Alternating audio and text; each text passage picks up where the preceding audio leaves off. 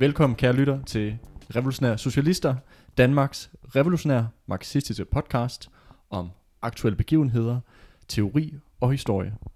Podcasten er produceret af organisationen Revolutionære Socialister, og vi er en organisation bestående af studerende og arbejdere, som kæmper for en socialistisk revolution i Danmark og i resten af verden. Vi er en del af IMT, den internationale marxistiske tendens, som er aktiv i over 40 lande verden over.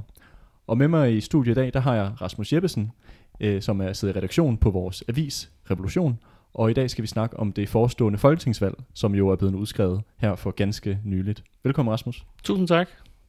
Og øh, jeg har jo glædet mig rigtig meget til at diskutere det her valg sammen med dig, fordi at, øh, det er jo sådan en periode, når der er udskrevet folketingsvalg, hvor et politik, som ellers er meget i armslængde af normale menneskers liv, at det rent faktisk kommer, hvad skal man sige, noget tættere på, fordi man bliver tvunget til at tage stilling til nogle politiske diskussioner, mm-hmm. øh, og, og derfor bliver, bliver det, er det en, en spændende periode, hvor, hvor man rent faktisk bliver tvunget til at reflektere over nogle ting og stille spørgsmål til nogle ting. Helt klart. Og jeg vil også sige, det her valg, man kan sige, nu har det kun stået på et par dage. Og jeg er allerede ved at blive lidt træt af det, i forhold til den måde, det bliver udlagt på. Uh, man kan sige, at på den ene side, så er det jo rigtig godt, det her med, at folk de ligesom bliver politisk vækket til live, som du siger, bliver interesseret i politik. Men det, man så bliver mødt af på den anden side, altså det synes jeg godt nok ikke er noget, man, man har lyst til at, at være en del af. Det er tværtimod noget, noget, noget, som skubber folk væk fra rigtig politik. Mm. Og der er jo rigtig mange, som... Ja, ligesom, jeg tror fuldstændig også, at der er mange, hvor at, øh, man måske... Øh, øh, glædeligt glemmer lidt alt det der cirkus, der foregår ind på, ja. øh, på, øh, på Christiansborg. Og når, når der så er valg, jamen, så bliver man også konfronteret meget direkte med, hvad er det egentlig politik er i det her samfund. Helt klart.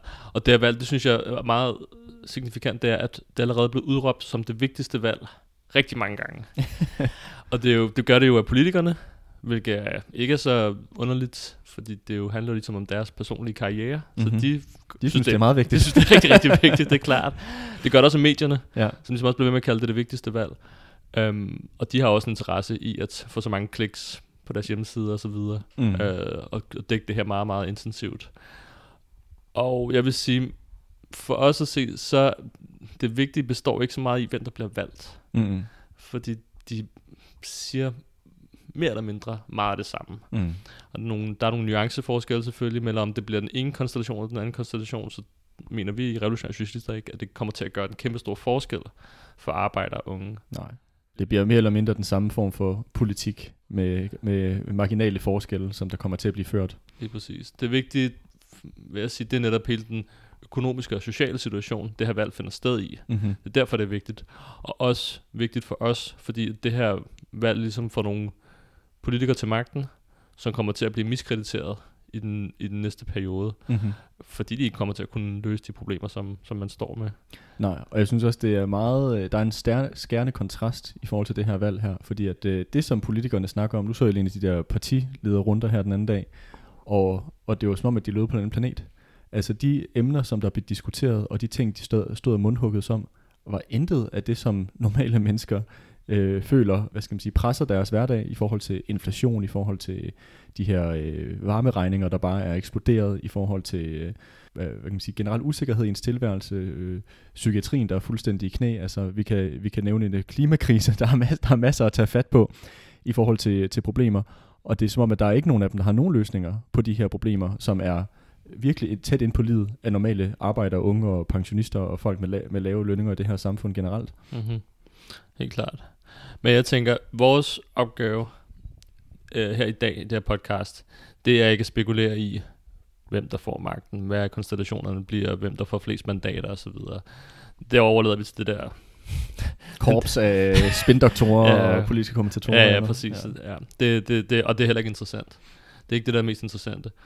Øhm, og vi kan heller ikke forudse hvad resultat. Uh, så det, det vil vi heller ikke spekulere mm. i.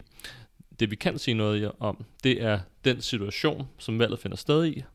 Vi kan sige noget om den øh, de rammer, som en ny regering ligesom skal arbejde indenfor. Mm-hmm. Og så kan vi sige noget om vores rolle som øh, revolutionær. Så det tænker jeg, det er ligesom det, vi, vi mm-hmm. vil snakke om her i podcasten i dag. Ja, det synes jeg er rigtig spændende. Og det er jo også rigtigt, at uanset om det bliver øh, Søren Pape, eller om det bliver Mette Frederiksen, eller hvem den er med, der sidder for bordenden af en ny kommende regering, så er det jo, så skal de øh, forvalte et system i krise. Og, de kommer til at, og det kommer til at være nogle hårde beslutninger, der skal træffes, i for, og angreb, der skal gøres på, øh, på arbejde og på unge på flertallet. Øh, så, øh, så om det bliver den ene eller den anden, jamen så må vi forberede os på kamp i fremtiden. Helt klart. Men man kan sige fra vores perspektiv, hvis vi lige sådan starter med at, at male med sådan de helt, den helt brede pensel, ikke også? Mm-hmm. Så, øh, så vi mener jo, at, det er et fantastisk tidspunkt at være revolutionær i.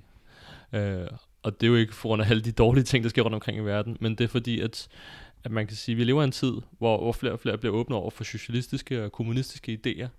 Um, vi har en hel generation, der er vokset op af et, under et, et kapitalistisk system, som er krisepladet på, på alle niveauer.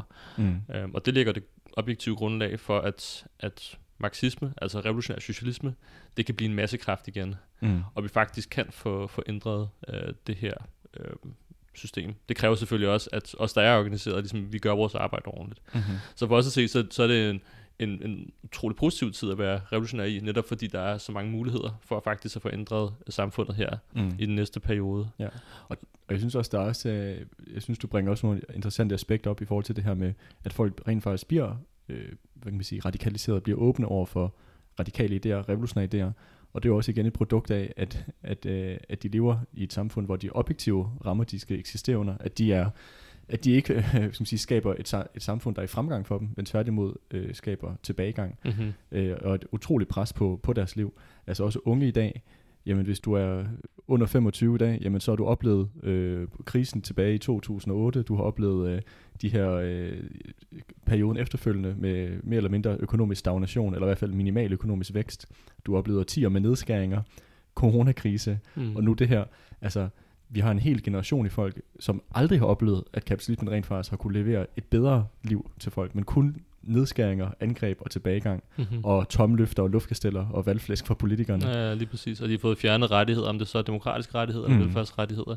Så det er sådan den hele generation, der kun har levet med tilbagetog mm. på, på alle niveauer. Og vi ser også, at den generation af ældre arbejdere, som jo måske har oplevet resterne af efterkrigsopsvinget i et eller andet omfang, at de ser jo også lige nu, at deres leveforhold er under pres, og det skubber også til deres bevidsthed, og nødt til også at, at, med til at, at ryste den tiltro, som de havde til systemets øh, evne til at levere en, en bedre i morgen, mm-hmm. øh, som, som jeg vil sige, mange de lige nu ser, at det ikke er tilfældet. Mm-hmm. Så vi ser generelt på hele samfundet, unge arbejder, at der er, øh, jeg kan sige, at bevidstheden den bliver udfordret og rykker sig.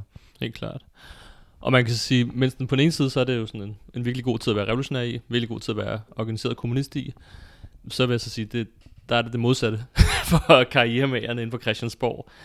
Netop som du siger, det her med, at, at det er et forfærdeligt tidspunkt at skulle administrere en, en kapitalisme på. At de ville synes, det var meget nemmere, hvis der var sådan lidt, lidt krummer, man kunne øh, dele øh, ud til folk, og lige bare give lidt sådan forbedringer, fordi det ville give dem ro på bagsmækken. Altså det ville sørge for, at de havde en eller anden form for stabil social base, og de ikke behøvede at, at have, kan man sige, øh, den nervøsitet, som de har.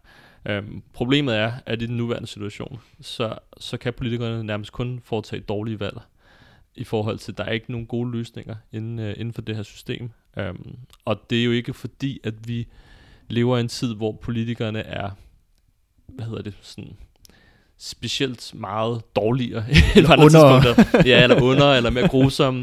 Det kunne man godt argumentere for, at de måske er. Men, Men det er ikke det, der er årsagen til nej, den politik, der bliver nej, ført. Nej, nej, lige præcis, fordi at alt det her, det kan man så sige, det hele det her øh, demokratiets forfald, det er jo i sidste ende afspejling af, af et kapitalistisk system, af et socioøkonomisk system, som har udspillet sin, sin historisk progressive rolle mm. øh, for lang tid siden, og, og nu er, kan man sige, er gået i, i forfald. Og det har bare ekstreme konsekvenser for, for arbejdere og unge øh, over hele verden, men, men også i Danmark.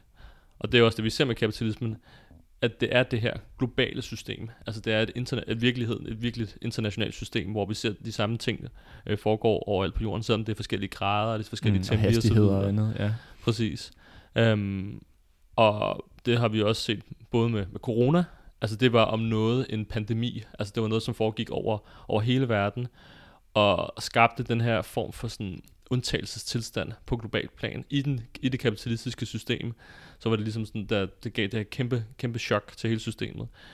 Og så lige da man troede, at det sådan var mere eller mindre slut. Altså, der er jo stadig corona mange ja, steder. Ja, ja.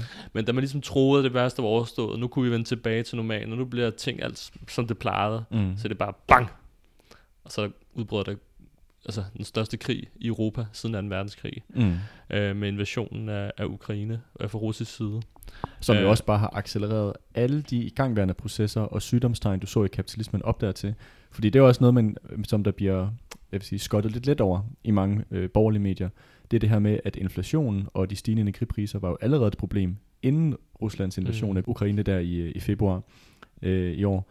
At, men at krigen har selvfølgelig accelereret de her processer og udstillet de her sygdomstegn og forværret dem. Mm. Men at det her ikke, de her problemer, vi ser nu, er ikke noget, der er resultatet af krigen. Det er sådan set noget, der, der har været opbygget under, under langvejs øh, og som har været langvejs underfald. Og hvis ikke der havde været krig i Ukraine, så har der været noget andet, der havde mm-hmm. sat gang, eller så er der nogle andre ting, der havde bristet, som man ser. Ja, lige præcis, fordi de her ting, de lå allerede under overfladen, så nu accelererede de bare med enorm hastighed, lidt mm-hmm. ligesom corona også gjorde det samme. Uh, så der sker bare den, altså, det her, den her ene vilde ting efter den anden, som har historisk karakter. Og når vi ligesom, som, det, og det synes jeg, det er vigtigt at huske på, ikke, ikke, ikke kan man så sige, at bare sådan historisk karakter, ikke bare fordi det er vildt, men det, det er vigtigt for et revolutionært synspunkt, netop fordi vi altid stiller spørgsmålet, hvad er det, der ændrer bevidstheden? Hvad er det, der skubber folk i en revolutionær retning? Hvad er det, der radikaliserer folk politisk, øh, og får dem til at, at ændre, at få dem til at få lyst til at ændre samfundet? Det er store begivenheder i ens liv og rundt omkring i verden.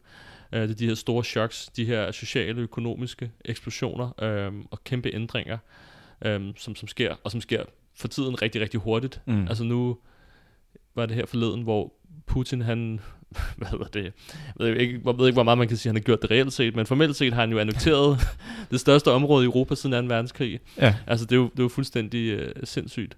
Og netop fordi der sker alle de her vilde ting, så tvinger det øh, millioner, og er der millioner af mennesker til at, til at ændre anderledes og blive åbne over for revolutionære idéer. Så det er igen rigtig dårligt tidspunkt at være magthaver på, rigtig godt tidspunkt at være, at være revolutionær marxist på. Ja. Og det er også, hvis man skal også øh, trække det tråd tilbage til, til sådan en som Marx, han sagde også det her med, at kapitalismen skaber ligesom selv sin egen, øh, jeg tror han kalder det gravediggers på engelsk, eller hans, det er hans egen undergraver. Og det ser vi også med, at, at vores opgave som revolutionær, er jo ikke at gå og overbevise hver eneste individ i samfundet, eller hver eneste arbejder om, at det er din interesse at have et, et, øh, et socialistisk samfund frem for det kapitalistiske.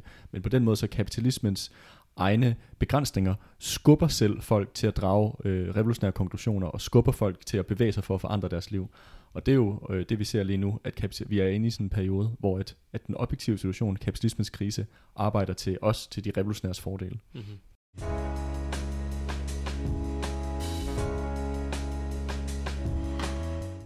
Fra den 11. til den 12. november, der afholder vi i Revolutionære Socialister sammen med marxistiske studerende en politisk festival, der strækker sig over to dage her i København i Støberiet på Nørrebro. Den hedder Revolution Festival 2022. Vi holdt en lignende sidste år. Vi holder det igen i år. Og øh, i løbet af de to dage, der kommer der til at være, øh, at være masser af forskellige politiske oplæg og diskussioner. Og øh, det er jo en fantastisk tid at diskutere de her idéer i, for når man ser rundt omkring i verden, jamen så er der øh, nok af årsager til at blive forarvet, til at blive frustreret, til at blive vred. Og det ser vi også, at folk de leder efter alternativer til den bestående system. Nogle steder der ser vi de her frustrationer, de bryder ud i, i lys lue, i klassekamp, i sociale opstande, for eksempel i Iran, øh, meget aktuelt lige for tiden. Men vrede er ikke nok, hvis vi vil forandre verden. Vi er også nødt til at forstå verden, hvis det er, at vi rent faktisk vil ændre den fundamentalt.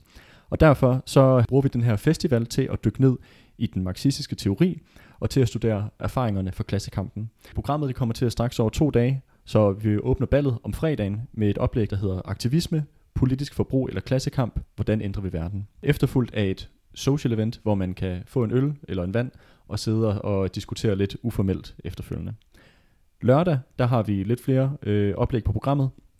Vi starter ud med et oplæg, der hedder Paris og Kommunen 1871, Arbejdermagt i praksis, efterfulgt af Spild, fattigdom og klimakatastrofe, argumentet for en demokratisk planøkonomi.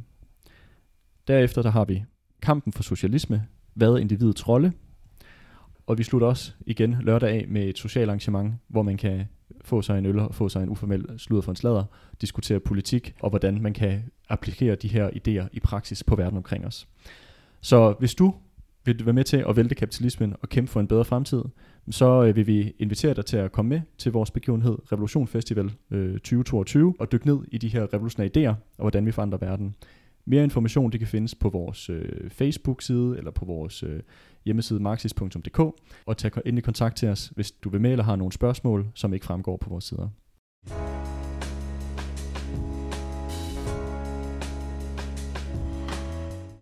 Alright, men nu har vi ligesom fået slået fast, at på trods af, at der er masser af dårligdom og årsager til, at man måske kunne være fristet til at synke ned i pessimisme, så tværtimod, så som revolutionær øh, har vi faktisk god grund til at være optimistiske. Men øh, skal vi ikke prøve at dykke lidt ned i, hvordan står det egentlig til med øh, dansk økonomi? Fordi at der, øh, det er jo noget, som jeg tror, at alle arbejdere og unge kan mærke meget direkte på deres lønkonto, øh, at, at det ikke står særlig godt til. Jo, helt klart. Også fordi det her med økonomi, det, der, der er mange, der synes, at sådan noget med økonomi er lidt tørt. Men for os at se, så er det ekstremt vigtigt, fordi det sætter rammen for klassekampen, fordi det sætter rammen for udviklingen af bevidstheden, og det også kommer til at sætte rammen for en ny regering. Så vi synes, det er virkelig vigtigt. Og jeg tror også, at det her med de økonomiske spørgsmål, det er sådan noget, der kommer meget tæt på livet øh, på folk i øjeblikket, netop på grund af de store forandringer, vi ser. I, i det kommunistiske manifest, der, der skriver Marx og Engels på et tidspunkt, at alt solidt og fast fordufter, som jeg synes er en meget sådan smuk poetisk måde ligesom at beskrive, hvordan kapitalismen øh, til tider kan udvikle sig. Øh, og jeg synes især, at det passer på den situation, vi står i lige nu. Fordi der sker alle de her kæmpe store ting rundt omkring i verden. Men man kan sige, noget af det, som måske er med til at skubbe mest på øh, folks bevidsthed, det er de ting, som, skal, som man, man kan mærke meget tydeligt i dagligdagen. Mm. Øhm, hvor du før, der har du kunnet stole på dit budget, når du gik ned i supermarkedet det er slut med det. Det kan du ikke længere. For før kunne du være sikker på, at der ligesom kom strøm ud af en stikkontakt, når du øh, satte den i. Men til vinter kan vi risikere de her rullende strømafbrydelser. Så vi har ligesom de her stabile faktorer, som man aldrig har skulle bekymre sig om i sit liv før. Altså mm. i mit liv har jeg aldrig nogensinde tænkt på, at der skulle komme store prisstigninger på daglig. Mm, eller store øh, eller andet. Nej, præcis. Ja. Men det bliver nu en kæmpe sikkerheds, mm. uh, usikkerhedsfaktor, og det kan virkelig være med til at, at, at tvinge folk ud af deres kan man sige, vante, vante dagligdag. Mm. Og det er sådan set lidt ligegyldigt, hvilken regering vi får, og igen, hvordan konstellationen, og hvem der bliver minister osv. osv. Ja, hvordan bog, bogstavsrækken kommer til at se ud. Og, ja. ja. Altså, så kommer de til at skulle operere i en radikal anderledes økonomisk øh, situation, som ikke er set i, i årtier. Mm. De skal både håndtere den her energikrise, og en økonomisk øh, krise, som, som der ikke er nogen af dem, der har nogensinde skulle håndtere før. Og hvis vi lige starter med det her med energi, så står vi, og det vil vi bare lige gå hurtigt kort ind i, men hvis det bliver en hård vinter, så kan vi stå med de her strømafbrydelser. Ja, jeg kunne se, at både Energistyrelsen har været, været ude og advare om, at, at de forbereder sig på, hvad de kalder det værst tænkelige scenarie, yes, og forbereder præcis. sig på de her rullende strømafbrydelser. Ja. Og det, de har sagt indtil videre, det er, at det bliver sådan nogle, hvis det ligesom bliver realiseret, øhm, så, så er det i kriseplanerne, at man ligesom kommer til at øh, cut to timer ud om dagen. Mm hvor at der er visse husstande, visse virksomheder, som har mulighed for at få strøm.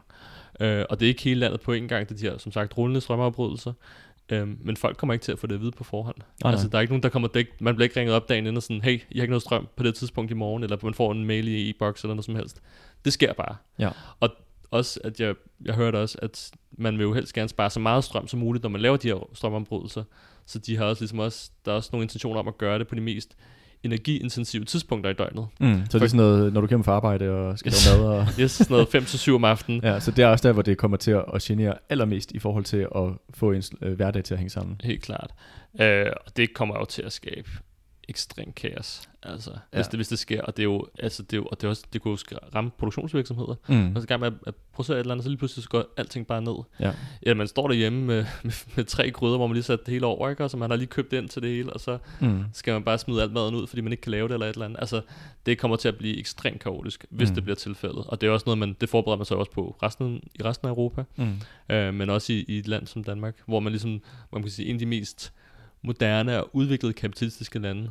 Altså, så noget så helt så grundlæggende som strøm. Ja. Sådan til, hvad hedder det, billig øh, strøm, som man kan regne med. Ja, præcis. Kan, de, kan, man, kan, så, så, kan systemet ikke engang levere? Nej, og det er, i hvert fald, det er i hvert fald meget usikkert. Vi ved, det, jeg synes, det er lidt svært at spore om endnu. Altså, det, er sådan, det, ja, kan, ja. det kan vi ikke rigtig vide. Nej, nej. Uh, der er stadig et par måneder til, at vinteren rigtig sætter ind. Ja. Men, uh, men jeg synes allerede, så ser man jo nu, at der er snak om, hvordan man uh, for eksempel skærer uh, i forbruget, i forhold til strømforbrug i uh, for eksempel den offentlige. Altså det her med, at du sænker temperaturen inde på offentlige arbejdspladser til 19 grader, dæmper gadebelysning, skruer ned for varmen på uh, offentlige svømmehaller og andet. Altså at, mm. at på den måde, så er, er hele samfundet jo allerede i sådan en form for øh, jeg vil sige, krisetilstand i forhold til at prøve at, at spare så meget, hvad der kan i forhold til strømmen. Men også, at man prøver at presse forbrugerne til, mm. at de skal spare så meget, ved at, at de her øh, priser jo er enormt høje. Altså det, øh, ja. det, er jo en, det er jo en anden måde for folk til at spare på. Helt klart. Ja, jeg tror også, det er perspektiv omkring, hvad, hvad fanden der kommer til at ske med vinter i forhold til energi. Det skaber allerede nervøsitet hos, hos, hos tusindvis af familier ja. rundt omkring. Og selv hvis det ikke bliver med strømme, rullende strømopbrydelse her til vinter, jamen så er der intet, der indikerer, at det kommer til at blive bedre næste vinter heller. Mm. Det er i hvert fald, hvad man hører, når man, øh, når man læser, hvad de her store internationale organisationer, som har på stand for det her, hvad de snakker om. Øh, at det selv hvis den her vinter bliver hård, jamen så, øh, så er det de næste mange vintre, der mm. kommer til at blive et problem. Lige fordi at der er mere strukturelle problemer i forhold til hele Europas ja. energi, og sådan set verdens.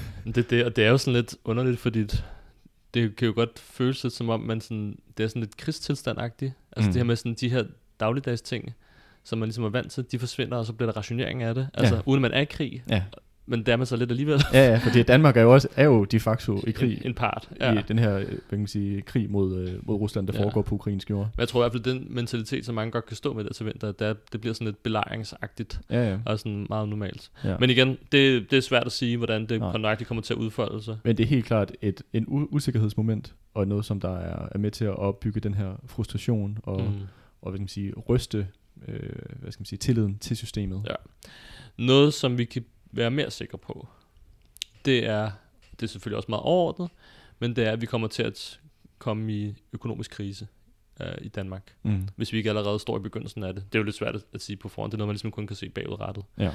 Og det er ikke, det er igen, det er ikke fordi, vi prøver at være sådan nogle dommedagsprofeter eller sådan noget, men det er også allerede en udbredt følelse, at man står i en eller anden form for økonomisk krise. Hvis man ser de her tal, der er for forbrugertilliden, så bliver de bare ved med at, at ligge på sådan nogle rekordlave niveauer i forhold til, at, at mennesker de, de er usikre på den økonomiske fremtid her nu. Og også de her tal, de er langt værre end under corona. Mm. Det synes jeg også er ret vildt. Det er værre end på et tidspunkt, hvor samfundet var kom komplet lukket ned. Mm. så er man mere nervøs nu, ja. hvor alting, altså du kan jo sagtens gå ud og handle, og du skal ikke have mundbind på, du må godt komme ud af dit hjem og så videre, ikke også? Altså, men folk, de er ekstremt nervøse. Og det er jo også en mærkelig situation, fordi vi har jo hele tiden hørt fra politikerne, fra borgerlige økonomer, at dansk økonomi, den var... Bumstærk, tror jeg Mette Frederiksen godt kunne lide at Bumstærk, og, og så øh, sund, og så videre, ikke også? Og så er de modereret sproget lidt, og, sådan, og nu siger de sådan, men kernen er robust. Ja. Og så, de har de her floskler, ja, som de bliver ved med at bruge. Og de bliver ved med at pege over mod den her rekordbeskæftigelse. Og det er jo mm. rigtigt nok. Der er ja. rekord mange mennesker På trods af, at den, den lige så stille, at arbejdsløsheden lige så stille er begyndt også at stige en lille smule. Ja. Men det er stadig, den, den kommer fra et meget lavt niveau. Ja, helt klart. Lavt. Man kunne så også have en helt, lave en helt podcast om karakteren af de jobs, der er blevet skabt, og ja. hvor kvaliteten af dem og så videre. Ikke? Også, det må blive en anden gang. Men det, det er, jeg synes, det er ligesom det fine bedre, det er ligesom at holde fast ved. Det er det her med, at vi har rekordbeskæftigelse, som du siger, så for eksempel allerede de første tegn på, at den går ned. Men, men uh, lad det nu være. Men de har ligesom prøvet at holde sådan en eller anden fortælling om, at dansk økonomi, det bare var super fedt kørende i, jeg vil sige, virkelig lang tid. Mm. Og det første er på den anden side af sommerferien, at de, at de økonomiske realiteter om en forestående økonomisk krise virkelig er begyndt at indfri sig, i det, også i de her personers bevidsthed. Mm. Og jeg vil sige, stadig nu, så snakker de om for eksempel, der er risiko for realløns tilbagegang. Risiko, det sker jo allerede. Altså sådan, øh. når man, når man, jeg synes selv, selv når man hører de her om det er politikere eller borgerlige kommentatorer eller hvad det må være, så er der stadig de her forbehold, som, som jeg vil sige, øh, øh, hvor, de, hvor det, det stadig ikke afspejler den reelle, reelle situation, som vi ser i samfundet. At det er som om, de halter meget, meget bag, bagved. Ja. ja, lige præcis. Jeg har faktisk en, der, der sagde det. Det var en, der skrev i, i det der medie, der hedder Finans. Det var, det var meget sjovt citat. Jeg citerer lige, så hvad hedder det, det er ikke mig, der siger det her. Og der blev skrevet, i starten af sommeren pegede prognoser på en mild afmatning med positiv vækst, en positiv regelløn og kun begrænset fald på boligmarkedet næste år. Prognoserne for september varsler en økonomisk krise med risiko for reallønsfald og nedsmeltning på boligmarkedet. så det er citat slut. Så det, det er nogle helt, altså de er ligesom også vendt på en tallerken, gået mm. fra den her jubeloptimisme til den her dybe, dybe pessimisme, og som du siger, det her med sådan risiko for reallønsfald. Det er jo ikke, det er jo, det er jo totalt latterligt. Det er jo ikke risiko mere. Det er altså, realiteten. Ja, det er, det er det, der allerede sker. Uh, og jeg vil også sige, i forhold til, nu siger det det her med kernen af dansk økonomi er robust, og der kalder jeg bullshit. Altså, og det er noget, som vi har beskæftiget os med i, i kan man sige, mange år, vi løbende analyserer dansk kapitalisme, hvordan den ligesom ser ud. Ja, de modsætninger, som der opbygger sig over tid. Præcis, og den er, for at sige det på godt dansk, den er fucked. altså, den, den er ikke meget bedre end mange andre steder. Um, hvis vi ser på en af de vigtigste kan man sige, drivkræfter bag væksten i dansk kapitalisme de sidste mange år, så har det jo været boligmarkedet. Mm-hmm. Og nu, de, nu indrømmer de selv, at der sker en, den her nedsmeltning. Og det ser vi rundt omkring i verden, i Kina, Sverige, USA osv. De har boligbobler som præster. Og det er jo lidt et problem for dansk økonomi, hvis du har en af de vigtigste komponenter i den, som ligesom er med til at skubbe væksten op af, som så er fuldstændig smeltet sammen. Som jo er en konsekvens af, at, øh, at renterne de, mm. de stiger rigtig meget, som ligesom er en måde, hvorpå at politikerne og centralbankerne, altså magthaverne, de ligesom prøver at tøjle den her, den her øh, ekstrem hurtigt stigende inflation. Mm. Det vil sige for eksempel, at renterne på, på et fast boliglån, det er her fra, jeg tror, der starten af 2022 til nu, et sted fra omkring 1% til 6%. Mm. Så det var virkelig, virkelig mange flere penge, du skal lægge om måneden, hvis du skulle ud at have et nyt lån. Og også på variable renter, der er, der, der, der er de også steget helt vildt meget. Så det vil så sige, at du kommer fra en periode, hvor at boligmarkedet det voksede, voksede, voksede. Så du skulle der var lave renter blandt andet. Præcis, det var, det var nærmest gratis at låne penge. Men det vil også sige, at du skulle, du skulle også låne rigtig mange penge, hvis du skulle ud og købe noget, fordi mm. at alting var blevet så dyrt. Mm. Så du har også sat dig ret hårdt i det. Mm. Også fordi vi har fået at vide, at renterne kommer aldrig til at stige. Mm. De har været sådan der de sidste 10 år, de kommer aldrig til at stige igen. Ja. Det var det, jeg fik at vide, da jeg skulle ned og have et andelsboliglån. ja, jamen, præcis. Og det er jo, og, kommer aldrig til at stige. nej, og det er, jo, det er jo virkelig, virkelig sindssygt, at de går ud og sagt det til folk. Ja. Fordi selvfølgelig kommer renterne til at stige. Ja, ja, fuldstændig. Det er jo, tro, det er jo fuldstændig... Øh, umuligt, den her situation, den kunne fortsætte øh, på lang sigt. Og man kan sige, det var jo holdbart for de mennesker, der gik ud og købte en bolig. Øh, selvom, de skulle lægge, selvom de skulle låne mange penge, så fordi renterne var så lave, så kunne de ligesom godt, du ved, lige holde hovedet over, vandet. Men nu hvor renterne stiger på deres lån, og de har sat sig så hårdt, fordi det var ligesom den eneste mulighed for at få en bolig. Mm. Altså, så kommer, altså, altså, sammen med, at priserne på dagligvarer stiger, sammen med energipriserne mm. stiger, altså de står, i, ja. de står i en sindssyg dårlig situation. Ja.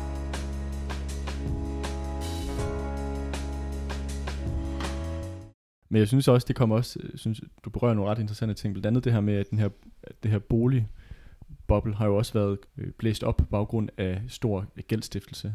At de danske husstande er jo nogle af de allermest forgældede i hele øh, hvad er det, OECD, øh, altså de udviklede øh, økonomier, avancerede kapitalistiske økonomier.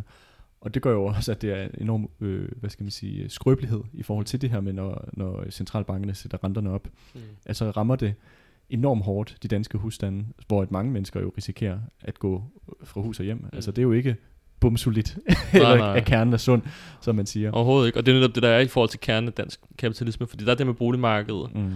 og som du siger, det hænger jo sammen med, med de store gældsposter, der er i samfundet. Jeg tror, de danske husholdninger, de har sådan en, en gæld, der er på omkring 250% af deres disponible årlige indkomst. Ja. Og det er ret meget. Altså, i, det er helt vildt meget i sådan en OECD-sammenhæng. Der er så mange borgerlige økonomer, som undskylder det med at sige, ja, det er rigtigt nok, men til gengæld så har vi store friværdier, til gengæld har vi store pensionsopsparinger, men det er jo ikke penge, du kan gå ud og bruge nej, nej. på øgede udgifter. Det er nej. jo ikke bare sådan ting, du, lige, penge, du kan trylle frem, og så bare bruge på de her nye udgifter, nej. der kommer. Og mange af de her pensionsopsparinger, som jo sidder i sådan nogle pensionsselskaber, de er jo også penge, der er investeret i alle mulige projekter, som er enormt øh, risicofyldte, og som, mm. som vi jo så med England for, her forleden jo, hvor de, mange af deres store pensionsselskaber var på nippet til at gå, øh, mm. gå konkurs på baggrund af de her med rentestigningerne. Ja. Så, og jeg vi tror, nu det, man kan også lave et helt afsnit omkring det her med de danske pensionsselskaber, mm. men jeg tror, jeg tror også, at de er, det er ikke fordi, de er så solide og sunde, som de måske er på overfladen. Nej, nej, så det er blevet fremstillet. Ja. Og det kan man sige, det er husholdningerne, som ligesom er blevet tvunget til at optage stor øh, gæld for at kunne have et sted at bo i mange år.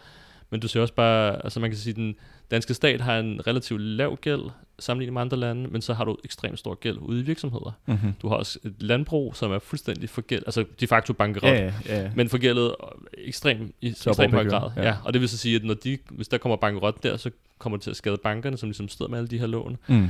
Øh, og det betyder bare, ja, at du samlet set, hvis du ser på den totale gæld i Danmark, altså privatgæld, virksomhedsgæld og, og statsgæld, så, er det en, så har Danmark en af de højeste totalgæld i Europa. Jeg så sådan en chart, hvor vi lige låner Grækenland.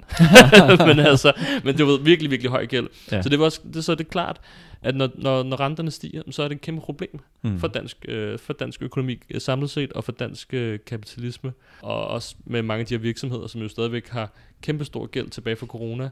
Altså det betyder, at vi kommer til at se en, en konkursbølge mm. øh, her i den næste periode, hvor der er masser af virksomheder, der kommer til. Der er allerede nogen, der er begyndt på det, men vi kommer til at se mange flere, som kommer til at øh, gå nedenom og, nedenom og hjem. Og det kan man så sige generelt set for dansk erhverv, Nu er vi ikke et erhvervsmedie. Hvad hedder det? Vi står ligesom på den anden side af klasseskældet. Men, da, men der kan man sige, de danske virksomheder er også under ekstrem pres, både i forhold til priser på energi, priser på råvarer, på materialer osv., som bare er stedet ja, transport, alt muligt. Ja, ja, alting er ligesom stedet for dem. Øh, og også bare sådan nogle, sådan nogle lidt, det kan virke som sådan lidt tilfældige ting, men også bare, at øh, valutakurserne er ændret så meget. Ja. Altså, Dollaren er blevet styrket markant. Præcis. Danmark er jo et eksportland. Omkring halvdelen af vores BNP, det, det er ligesom baseret på eksport. Men problemet er, at dollaren i forhold til kronen er steget med 20%. Så når du skal ud og handle dollars, så skal du også lige bruge 20% ekstra på at købe dollars, mm. når du skal ud og handle rundt omkring i verden. Og du skal jo, og du skal jo købe dollars, fordi det er det, den hvad kan man sige, valuta, der bliver brugt internationalt set i forhold til transaktioner og handel internationalt. Så det er jo bare en ekstra udgift, som danske virksomheder, de jo bundsolide, robuste. Ja, skal også lige, skal også lige ja. tage oven i rentestigninger det, det. og øgede øh, omkostninger til nærmest alt. Ja, og så det, så det kan man også sige, det ser du også, det, alt det her, alt, alt det her får du ligesom også reflekteret på, på det danske aktiemarked med, med C25-indekset. Jeg hørte, at det er næsten 25 procent af sin værdi over det ja, seneste år. Over det seneste år, ja. ja. Altså et kæmpe fald. Det må man sige. Og det er jo et internationalt fænomen, men det er også bare lidt vildt at tænke på det altså hvis man, hvis man skulle tage aktiemarkedet for en reel ting, og så sige, okay, så er der bare en fjerdedel af al værdien er forsvundet ja. på et år. Ja. Altså det er jo ekstremt meget. Selvfølgelig har det været oppustet på grund af spekulation ja, og så videre. Ja. Men det er jo, et, det er jo et, et, en vild indikator på både den nervøsitet, der er i markedet, mm. i forhold til tiltroen til, at de her virksomheder er sådan set sunde, mm-hmm. og hvordan er, hvordan er det, de polstret til at kunne klare sig igennem den her ja. periode her. Det er jo, det er jo et form for mistillidsvotum. Ja, ja, ja, er du sindssygt. altså, og det vidner om ekstrem nervøsitet i kapitalistklassen i Danmark, og også på international plan.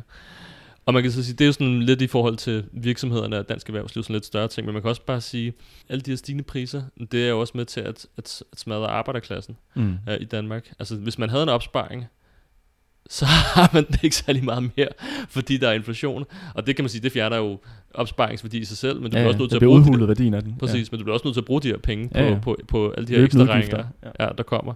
Øh, og det sætter bare en, en, rigtig mange familier under ekstrem pres. Øh, der er mange af de her borgerlige økonomer, der ligesom snakker om, oh, det må vi, det må vi passe på, det er ikke, at vi får sådan en lønprisspiral, som, som ligesom kommer til at få inflationen helt ud af kurs. Men det er vi, altså, det er vi ekstremt langt fra, at det overhovedet skulle være et realistisk scenarie. Dansk Arbejdsgiverforening, de kom ud med nogle tal her fra lønnen for tredje kvartal. Og de sagde, at lønnen i tredje kvartal var steget med 3,5 procent. Ja, og inflationen i samme periode har været, hvad er det, tæt på de 10 efterhånden? Ja, præcis. Så det vil jo sige, det er jo købekraften, der er faldet øh, med ekstremt meget. Ja. Og de siger, at det er det største fald i købekraften siden 2. verdenskrig. Ja. Ja, det er tydeligvis ikke lønstigninger, der presser den her inflation. Altså sådan, hvis man ser på det sådan re- fuldstændig empirisk, altså bare på de, mm. de, de rå kendskærninger, fakta, så er det jo tydeligvis ikke lønstigninger, som der driver den her inflation frem. Mm. Altså, og lønnen halter virkelig bagefter. Det er jo også det, der er lidt, når de borgerlige økonomer så siger, at vi må holde igen med lønnen. Fordi sådan, det er jo ikke, det er tydeligvis ikke lønnen, der har skabt den her inflationsproblem. Nej, nej, nej.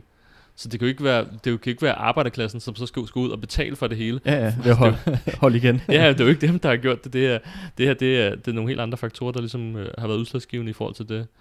Ja, det her, det ligesom siger sig selv, at dansk økonomi er ikke bumstærk, den er ikke robust. Der er rigtig, rigtig mange problemer i, i dansk økonomi. Og det er sådan lidt en sjov periode, fordi det, det er sådan lidt en overgangsfase, føles det lidt som. Altså, der har ikke ligesom været det her sådan, sådan vendepunkt, hvor der sådan, okay, her starter krisen -agtigt. Det er ligesom kommet øh, snigende mere og mere op på, på os, øh, og gør mere og mere ondt øh, på, på arbejdere og unge. Men til gengæld så synes jeg ikke, man hører det der mere sådan med, i det mindste bor vi i Danmark. Altså det, det man tit diskuterer med folk, sådan, det kan godt være, at ting ikke er perfekte, men i mindst det bor vi ikke i et eller andet fuldstændig smadret øh, tredje verdensland. Ja. Altså, så, men jeg synes bare ikke, man hører det der med, at det mindste, fordi alle er under pres nu. Mm.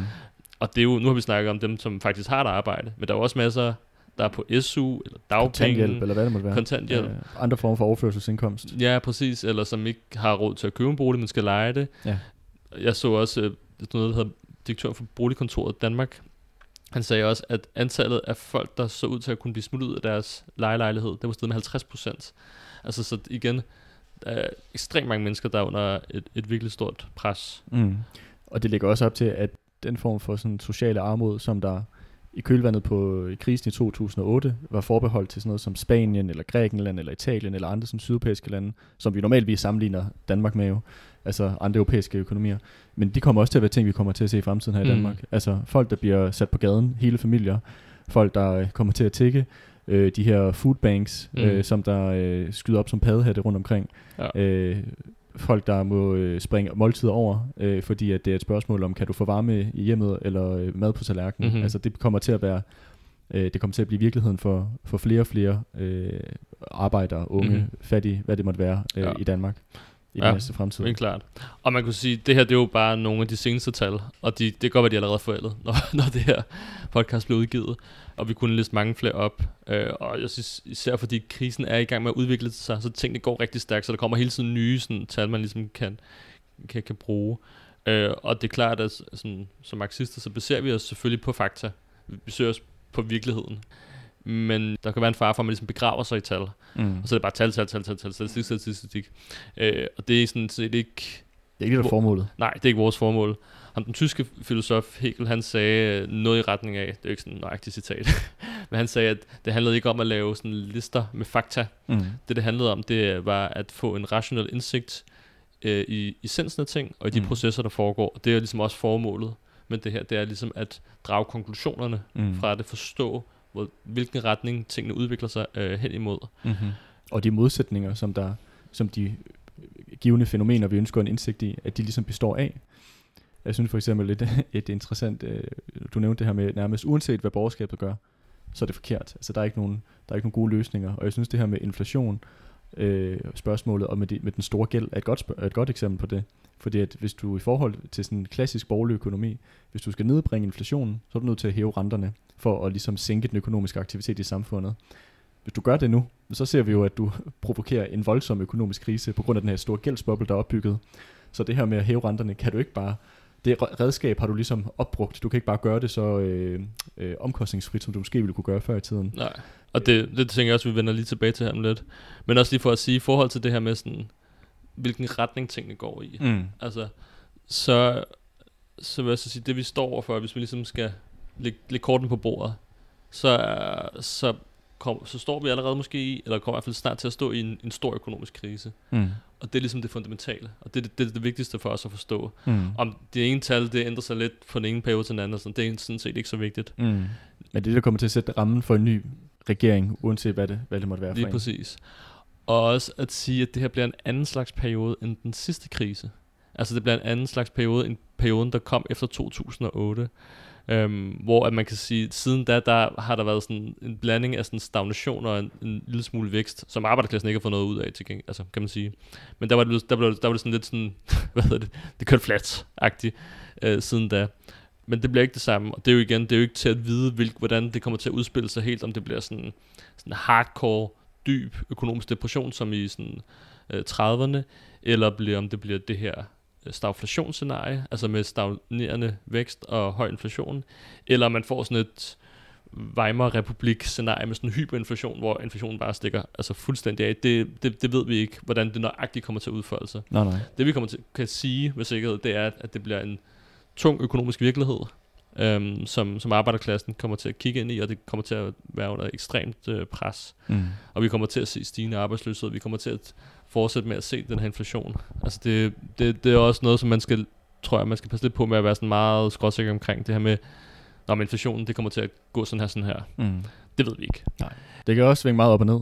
Altså. Ja, jamen det er det. Men at man kan sige, at alt tyder på, at det ikke forsvinder lige med det samme. Netop fordi der er blevet kastet så mange penge ud i samfundet siden 2008, og især siden, to, siden corona. Jamen alle de her hjælpepakker blandet og, og billige lån og andet. Det er det, så der er kastet så mange penge ud i økonomien, så det her med, at det bare skulle være sådan en one-off, det, det er fuldstændig urealistisk. Altså sandsynligvis kommer det til at være et scenarie, hvor det kommer til at fortsætte i mange måneder, i flere år, hvor det så går op og ned, og så kommer nogle perioder, der går nedad, men det går op igen og så videre. Mm. Jeg så en borgerlig økonom, som sagde noget i retning af, at hvis inflation kommer over 5%, så tog det i snit 10 år at få ned omkring de der 2% igen. Mm. Og det er, jo, det er jo ret lang tid. Ja. Men igen, det, og vi ligger langt over 5%. ja, præcis. Det, det, det, det er svært at Holland sige. lå på 17% her den anden dag, så jeg, at ja. Uh, inflationsniveauet der. Ja, altså, det, det er jo så knap 20 år. ja, det er ret vildt i hvert fald. Men det vi også skal sige, ud fra sådan det her perspektiv, det er, at, at før eller siden, så den danske arbejderklasse også skulle tvinges i kamp, mm. øh, hvis den vil bevare noget af den kan man sige, bare sådan en del af den semi-civiliserede eksistens, som er blevet tilkæmpet af flere generationer tidligere. Og det bliver en mere alvorlig form for klassekamp, så kommer vi kommer til at se fordi det bliver sådan mere hardcore på en mm. eller anden mm. måde. Altså det er mange, meget, det kan man sige, nu laver jeg citationstegn med fingrene. Ja. Den der, det, der, det der fedt, man har, det der fedt lag, som var tidligt, det er allerede skåret væk. Så det er ligesom allerede, man kommer allerede ret hurtigt ind til knoglen nu, når der kommer nye angreb. Ja. ja, jeg synes også, i forhold til 2008, der så man jo også, at der var, at der var mange, der ligesom lidt, hvad skal man sige, sådan dukkede nakken, fordi at man var bange for at miste sit job. Mm. Men i den situation, man står i nu her, selvom folk har et job, så kan de ikke betale deres regninger med den løn, de i forvejen har. Mm. Så der er der ikke, der er ikke for mange vil der ikke være noget mulighed andet, end at, end at kæmpe for rent faktisk at få øh, tilkæmpet sig øh, nogle lønindrømmelser for eksempel. Ja. Fordi at, ja, det kan godt være, at du mister dit job, at du, du har en risiko for at miste dit job, men hvis du ikke engang kan betale en regning med det job, du har, mm. altså, ja, ja, du, du, har, du står med ryg mod muren i forvejen, uden så meget miste, kan man sige. Og, og det er igen, det kan være, jeg kommer til at sige det her mange gange. Men vi kan ikke forudse, ligesom, hvordan den her klassekamp kommer til at se ud eller hvordan den kommer til at udspille sig, eller hvad, hvad der ligesom udløser den. Altså nu er der overenskomstforhandlinger på det private arbejdsmarked mm. her næste år. Ja. Det er jo en mulighed for det, men det kan også være noget fuldstændig tilfældigt, som ja, ja. udløser et eller andet, et eller andet stort. Uh, det, det er fuldstændig umuligt at sige. Ja. Men hvad vi kan sige, det er, at frustrationerne, modsætningerne, de opbygges, og ja. at de før eller siden vil finde et eller andet udtryk. Ja, og de er blevet opbygget i mange år, fordi mm. tingene er jo ikke gået godt for normale arbejdere og unge i mange år. Tværtimod, som du også startede med at sige, så har man bare oplevet de her nedskæringer på nedskæringer. Ja. Lige meget om og det skuffende var, overenskomstforhandlinger. Præcis, om det var på jobbet, eller det var i velfærden på ens uddannelse, så har man bare øh, oplevet det.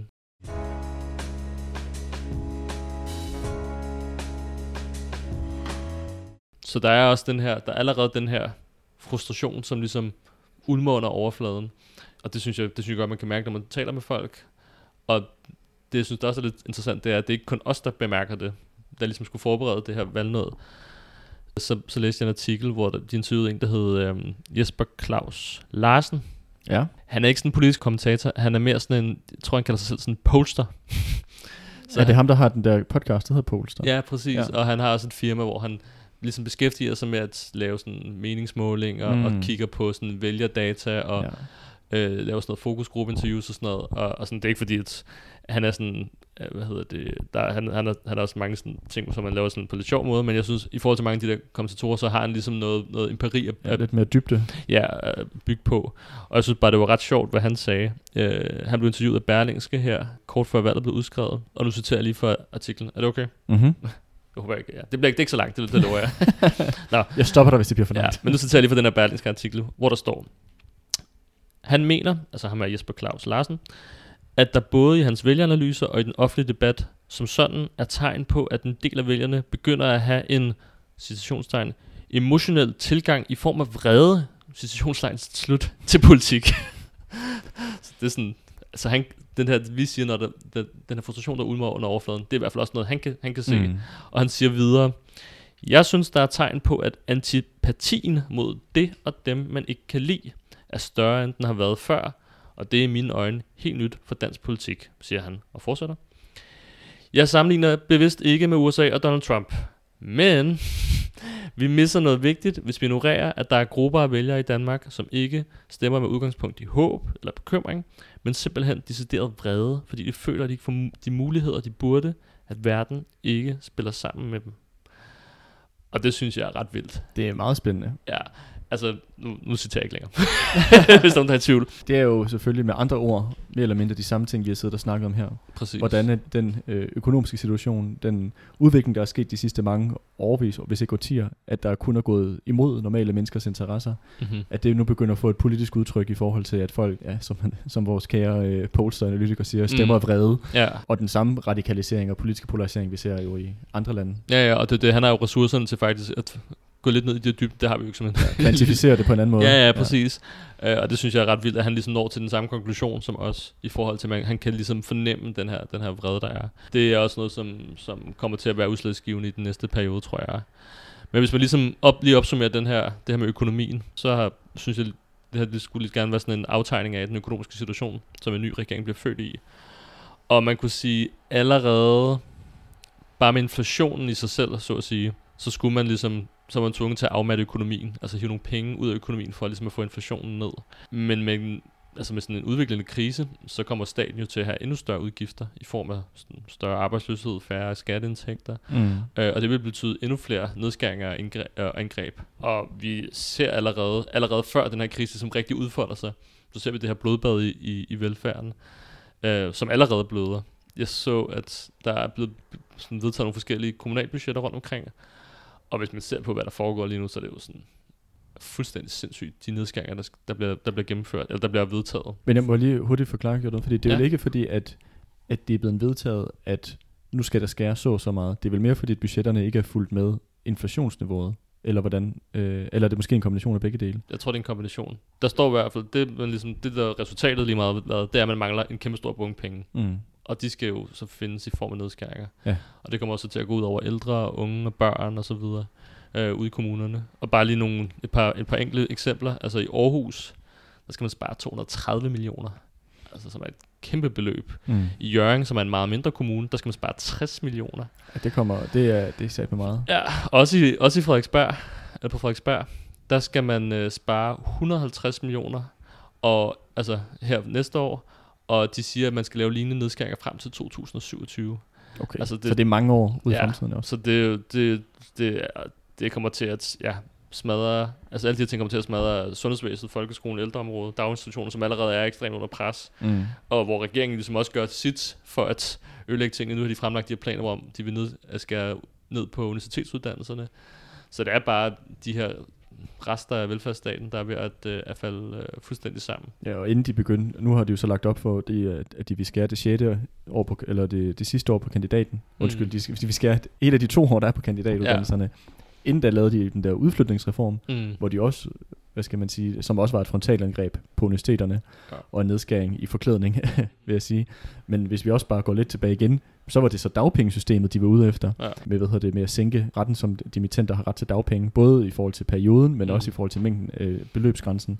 Ja. Så vi har jo set overvis, år på år på år på år, mm. at den ene nedskæring efter den anden, hævning af pensionsalderen, hvad det måtte være, og hvor også de overenskomst, øh, eller undskyld, de øh, overførselsindkomster, der kan være, overhovedet ikke er følt med den mm. generelle prisudvikling i samfundet, og slet ikke nu med det nuværende inflationsniveau. Jamen det er det. Og det så man kan sige, vi kommer allerede fra en situation, hvor at velfærden er under ekstrem pres, til en, en ny økonomisk krise, hvor der kommer til at være endnu flere angreb. Og det var det, som du også var inde på der før. Det med, at politikerne står i, i den her umulige situation, den her catch-22. Altså, på den ene side, hvis de ligesom skal bekæmpe inflationen, og igen citationstegn, gøre, hvad der skal til. På arbejderklassens bekostning, vel at mærke. Det, ja, er, jo ikke, ja. det er jo ikke de rige, der kommer til at betale for nej, nej, nej, nej, nej.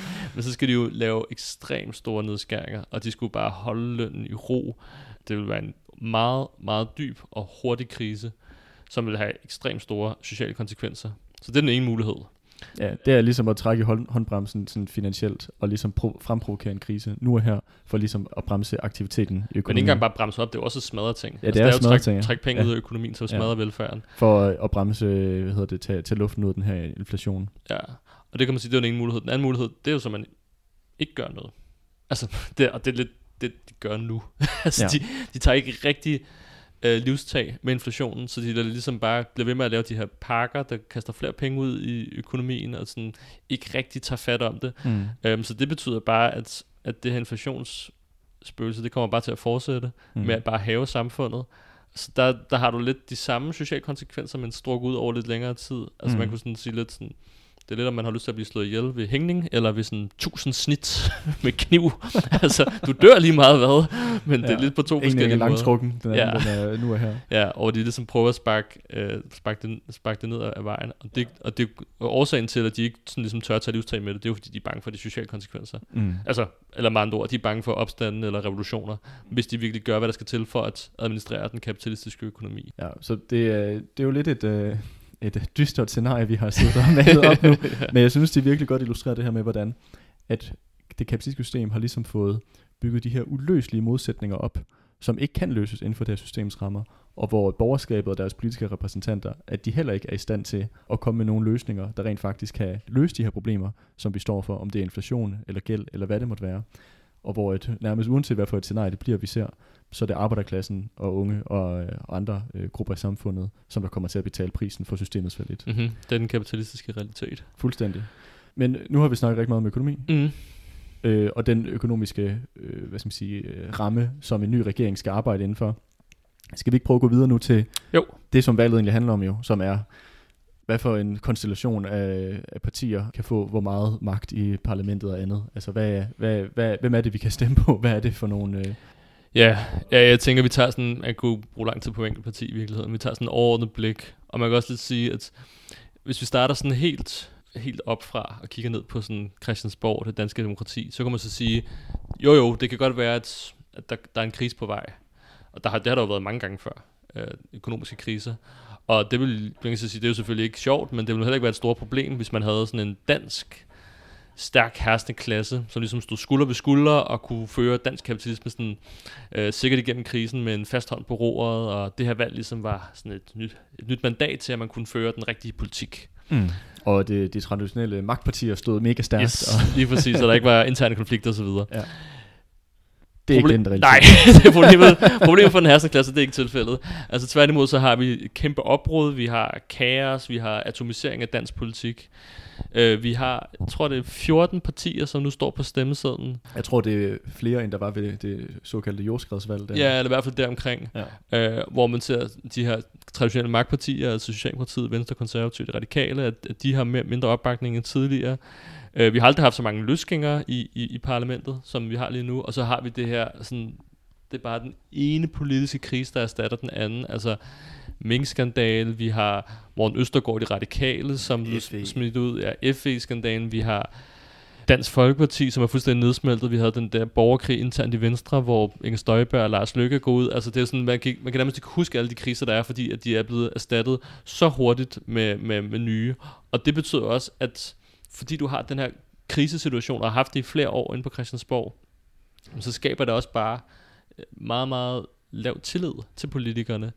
Men jeg vil sige, den tillid er jo ikke kun, jeg vil sige helt sikkert, at alle de der skandaler er med til ligesom at, at, at blotgøre den her rådenskab, der er inden for de her partier. Men den her mistillid kommer også i allerhøjeste grad af, at det er de her folk, der har stået spidsen for at for, for folks, folks levevilkår år efter år efter år. ja, ja, lige præcis. Og jeg synes, det er ret vildt, de tal, der er for det lige nu, at i 2019, inden corona, vil jeg mærke, der var der 51% af befolkningen, der havde tillid til politikerne. 51, der havde? Ja, okay. og det er så nu faldet til 26 procent. Mm-hmm. så det er halveret. Vi er gået fra halvdelen af befolkningen, så havde noget tillid det, til... At, lige, lige rappen op i en fjerde. Ja, lige præcis. Ja. Nu er det en ud af fire, som sådan, okay, det, det, det stoler vi på, det her. Ja. Det er jo, altså, nu snakker vi tidligere om, om der, var, der ville komme nedsmeltning på boligmarkedet. Altså, der er også en eller anden form for nedsmeltning af det, af det borgerlige demokrati, som er i en kæmpe krise. Og det er jo både, kan man sige, i forhold til dem, de ligesom skal siger repræsenterer situationstegn. Altså dem, nu, dem imellem befolkningen og politikerne. Men der er jo også en masse interne kriser, både internt i partierne, partierne imellem, men også mellem politikerne, altså embedsapparatet. Den mm. her FE-skandale, som du nævnte med Forsvars efterretningstjeneste og, og regeringen. Det er jo også en tækkende bombe, som man ikke ved, øh, hvornår der går af. Mm-hmm. Der har været gnidninger mellem øh, også øh, regeringen og militæret også. Ja. Så det er ikke kun, det er ikke kun øh, forsvaret efterretningsvæsen, som er den eneste revne, der begynder at komme op inden for den borgerlige stat. Vi ser det også med militæret mm. og, og politikerne. Helt klart. Og det er jo også lidt vildt, fordi man stod her øh, efter valget i 2019, så fik du den socialdemokratiske regering til magten. Og Mette Frederiksen, hun stod jo ekstremt stærkt under corona, øh, og hun virkede som sådan en handlingens regering, og, og det var altså uset for det moderne socialdemokrati, den opbakning, som de fik under corona, i forhold til, hvordan det har været de sidste årrække. Og man snakkede om, at det her, at de borgerlige, de var fuldstændig altså, depressive. De, de vidste ikke, hvordan de nogensinde skulle komme til magten igen, at man ville få det her socialdemokratiske uh, tusindårs uh, rige. Men jeg kan sige, det, det er jo ikke det, der er på tegnebrættet nu. Altså lige nu, så meningsmålingerne er meget lige, og, og Socialdemokraterne har jo ikke, der er jo ikke sådan altså der er ikke den her begejstring for partiet eller entusiasme bag, og det vil jeg også sige, det, det, har der, det er der ikke rigtig for nogen af partierne. Der er ikke rigtig den her vitalitet blandt nogen. Altså, jeg vil sige, man har, man har, man har mest set det altså på sådan reaktionære karakterer. Man så det lidt med nye borgerlige, men de er så sådan faldet ned igen. Øhm, man ser det lidt nu, at der er et eller andet bag det Danmarksdemokraterne og mm. Inger Støjberg, men igen, det kan bare forsvinde ekstremt hurtigt, ligesom vi så med Dansk Folkeparti, mm-hmm. som jo ligesom, hvor vi, på grund af venstrefløjens svaghed, så har det været det yderste højre, som kan kapituleret, eller hvad hedder det, som har ligesom har udnyttet den utilfredshed, der er i samfundet. Ja, og på en eller anden måde også i, i fraværet af et, en, øh, hvad kan man sige, et venstreorienteret kritik mod, mm. øh, mod det bestående, og øh, et anti-establishment position med venner, men så har det jo været højrefløjen, der har fået lov til at dominere. Ja, det er det. Og men, men, men, men det igen, altså der burde også falde ud af det gang på gang, og det kommer der også til at gøre med Danmarksdemokraterne, det er jeg ikke i tvivl om. Mm. Men det er jo også klart, at der ikke er nogen, der stoler på politikerne. Altså, det, det er logisk, der ikke er nogen entusiast for nogle af dem, fordi der har været, altså det eneste, man har oplevet, det er årtier med brudte løfter, med øh, borgerlig nedskæringspolitik, lige meget hvem der har siddet ved magten, og så den her skamløs racisme, som størstedelen af Folketinget ligesom fører. Mm. Samtidig med, at de så prøver hele tiden at oppiske for de her konflikter, at de har den her del af hersk-taktik, hvor de så har gjort det meget i forhold til med mm, folk med etnisk minoritetsbaggrund, eller øh, der var muslimer. Men nu ja. begynder de også på alt muligt andet. Nu bliver det sådan noget... Land og by. Ja, land, land og by, eller uddannelsesbaggrund, eller ja. det såkaldte vogisme, eller sådan noget. De prøver på alle mulige måder ligesom at, at dele os op. Og så vil jeg sige, at det, det er bare sådan, nu spidser tingene faktisk mere til end nogensinde før, eller i hvert fald i, i meget lang tid. Vi står med de her reelle problemer i forhold til sådan den økonomiske situation. Og der er bare intet svar for politikerne på Christiansborg. Altså, der bliver ingenting gjort. Det, det er lidt som om, de ikke rigtig det bemærker det, at folk, de kan ikke, de kan, de kan de kan ikke stjæle. Altså, de, kan, de, de, de, hvad hedder det, de bliver nødt til at stjæle for at overleve. Det, man hører historier om folk, der er ude at stjæle brænde for skove eller for skure, for, mm. at, for at kunne holde, holde varmen. De kan ikke betale deres regninger, og der er kø til sådan nogle øh, madcontainere bag supermarkedet, hvor folk skralder. Altså, det er fuldstændig, fuldstændig sindssygt. Og det, der tror jeg, ikke man skal undervurdere, hvor meget af politikerne, de lever i den her parallelvirkelighed. Fuldstændig. Altså, de har ingen idé om, hvad der sker rundt omkring i samfundet, og så samtidig så, så, så, så rager de bare til sig. Altså, der er alle de her mærkelige korruptionsskandaler, som, ja, som foregår. Hvad hedder ham der, øh, Magnus Prehn? Er det ikke den hedder? Ham, ham, øh... Nej, øh, Rasmus Prehn. Rasmus Prehn, det er ja, den hedder, ja. Det var, det var bare den, det sidste skud på stammen. Ja, med det her med hans øh, ministerkort, som han bruger til at bespise øh, gæster, man ikke ved, hvem er, til, på lækre middag på restauranter. Ja, ja, præcis. Altså, han, han, han er jo minister for, jeg tror det er mad og øh, hvad hedder det, fiskeri og sådan landbrug ja, og sådan noget. Og han noget god mad. ja, det, det må man sige. Han er meget glad for sådan champagne og vin og, ja. og privatkokker og så videre. Og det er også bare vildt, altså så kører sådan nogle historier, og så også bare det bliver så sådan, altså det bliver sådan noget pelletisse, sådan noget helt, altså åndssvagt noget, sådan noget med, at så har han brugt ministerkortet til at købe sådan noget superlim. Altså, altså hvor det bare, bare sådan, de brager til sig, sådan nogle små, fuldstændig ligegyldige ting. Og det vil jeg sige, det er, sådan er det for alle partier på Christiansborg. Altså, de lever i en helt anden dimension, end øh, hvad arbejder unge gør. Selv dem, der prøver at fremstille sig som sådan et anti-establishment, der er kommet den nye parti, der hedder Fri Grønne, med Sikander Siddiq som, som formand.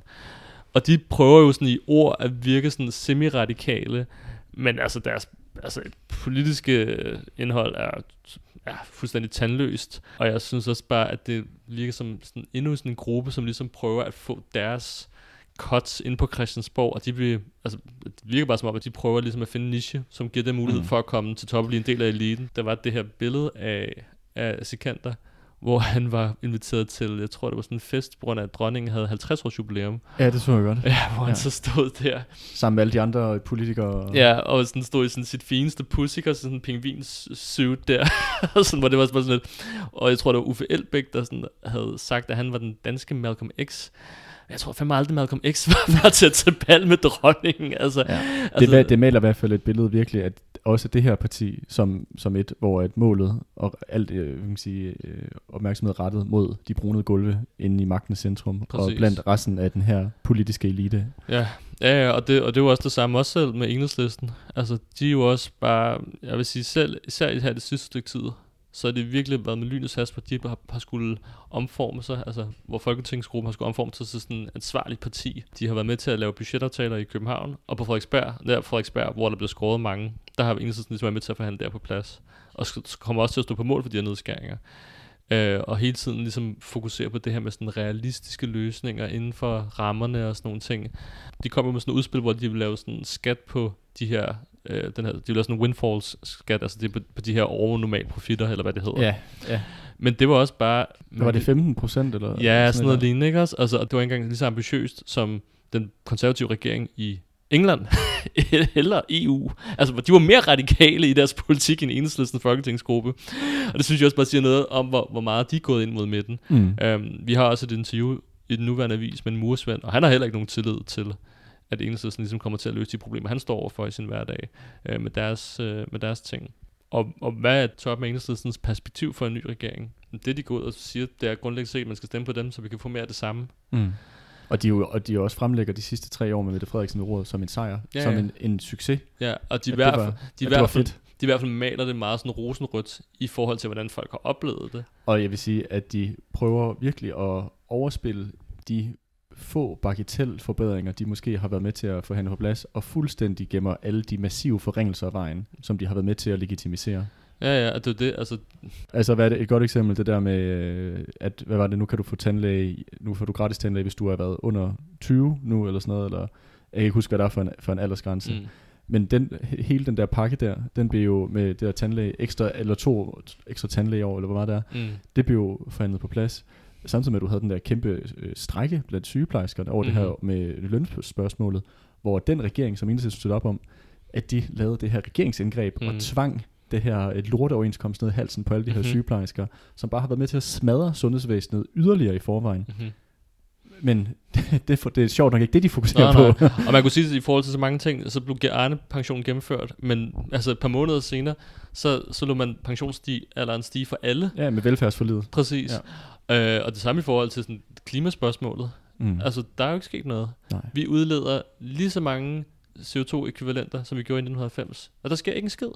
Og det er jo det, man bliver ved med at sige, at vi har en grøn regering og så videre. Det, det er bullshit. Det er jo også, at de bliver ved med at holde hånden under en regering, som fører mere eller mindre borgerlig politik. Ja, og, og skabe illusioner til dem. Ja, og har den her ekstremt racistiske del af politik også. Ja.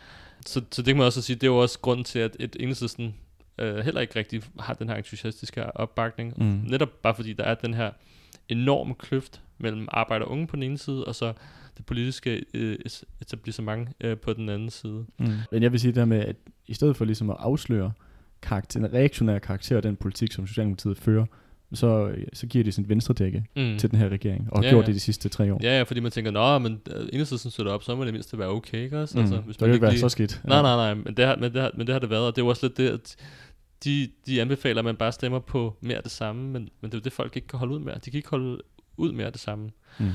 Så, så det er ligesom, der er ikke rigtig noget, der er heller ikke rigtig nogen fløje, der har momentum eller noget sådan Der, der, der, der, er ikke rigtig, der, er, der er ikke rigtig den her vitalitet i forhold til, til nogle af partierne. Og jeg tror også, vi kommer til at, vi kan godt forestille mig, at vi kommer til at have en lang regeringsdannelsesperiode bagefter, som jeg heller ikke er vant til, og som også bliver, altså kun gør de problemer, der er i økonomien endnu større.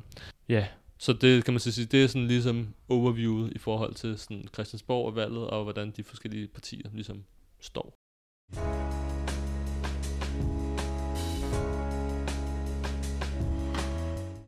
Inflation, energikrise, klimakatastrofer, alt sammen problemer, som dette system i kapitalismen ikke kan løse, men tværtimod kun gør større. Vi har de teknologiske, videnskabelige og menneskelige ressourcer til at skabe et samfund uden mangel og undertrykkelse, men det bliver ikke gjort i dag på grund af overklassens behov for at skabe profit.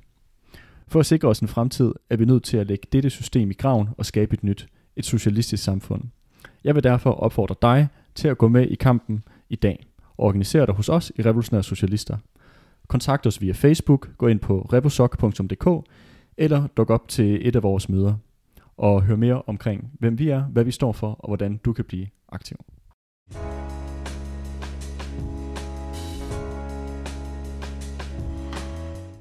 Alright. Så nu har vi ligesom øh, øh både snakket omkring økonomien, og vi har været en tur forbi Christiansborg, og ligesom øh, har konstateret, at ikke kun er økonomien i krise, men det borgerlige demokratiske system er også i krise i forhold til den her enormt lave tillid, der er til hele systemet og den politiske elite, som jo virkelig har spillet for lidt i forhold til at kunne gøre livet bedre for normale mennesker. Og hvordan vi ser, at den, selv den yderste venstrefløj i parlamentet i den seneste mange, mange år også kun er blevet mere og mere integreret som en del af den her politiske elite eller establishment, hvad vi vil kalde det, i hvert fald ikke spiller en rolle som en, en venstreorienteret opposition til det her samfund, vi lever i. Så der er nok mange, der spørger sig selv, hvad, hvad skal jeg så gøre til det her mm. kommende valg?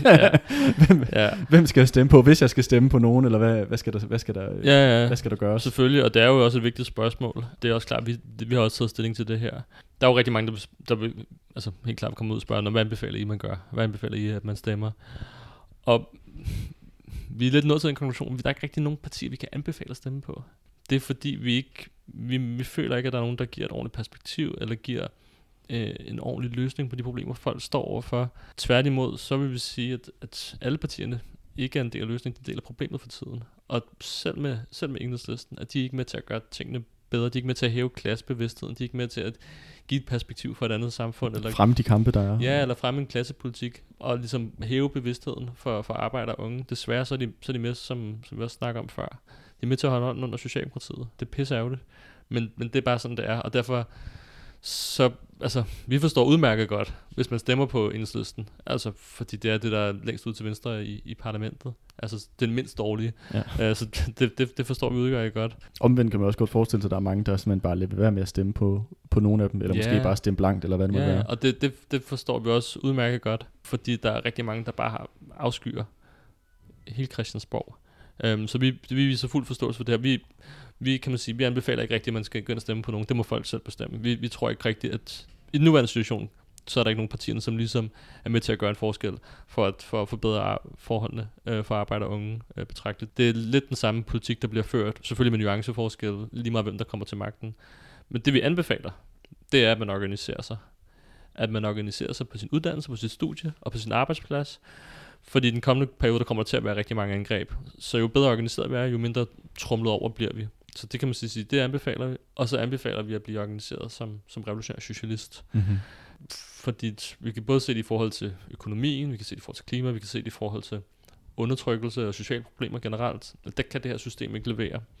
Uh, og vi kan selvfølgelig afværge sådan konkrete angreb og vinde nogle sejre midlertidigt.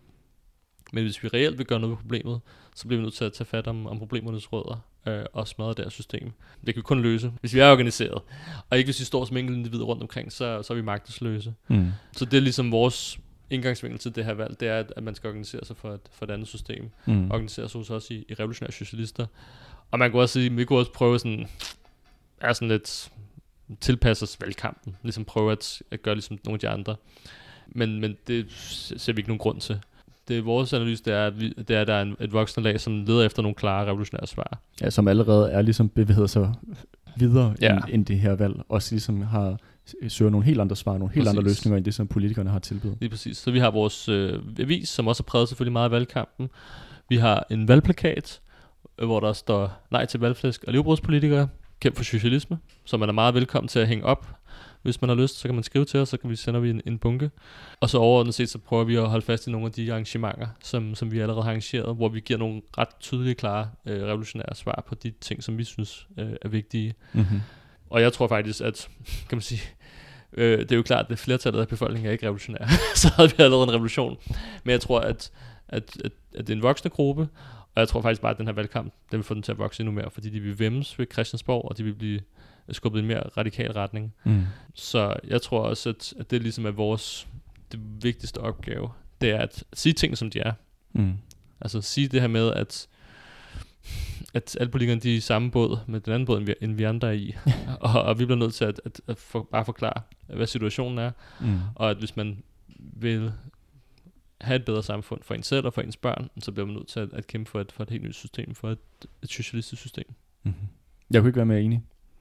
Jeg vil sige, øh, jeg har faktisk ikke mere at tilføje. Har du, har du noget, du vil øh, tilføje her på falderæbet? Nej, jeg, hvad hedder det?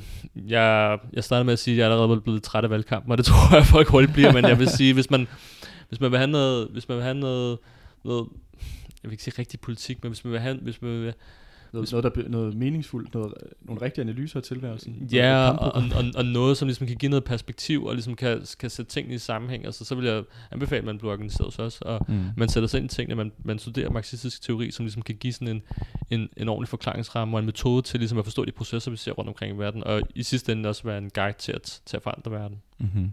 Helt sikkert. Jeg synes, det var mega spændende, Rasmus tak for i dag. Tak fordi jeg måtte komme. Og øh, det bliver helt sikkert ikke... Øh, der går forhåbentlig ikke så lang tid, inden, øh, inden vi ses i studiet igen. Helt sikkert.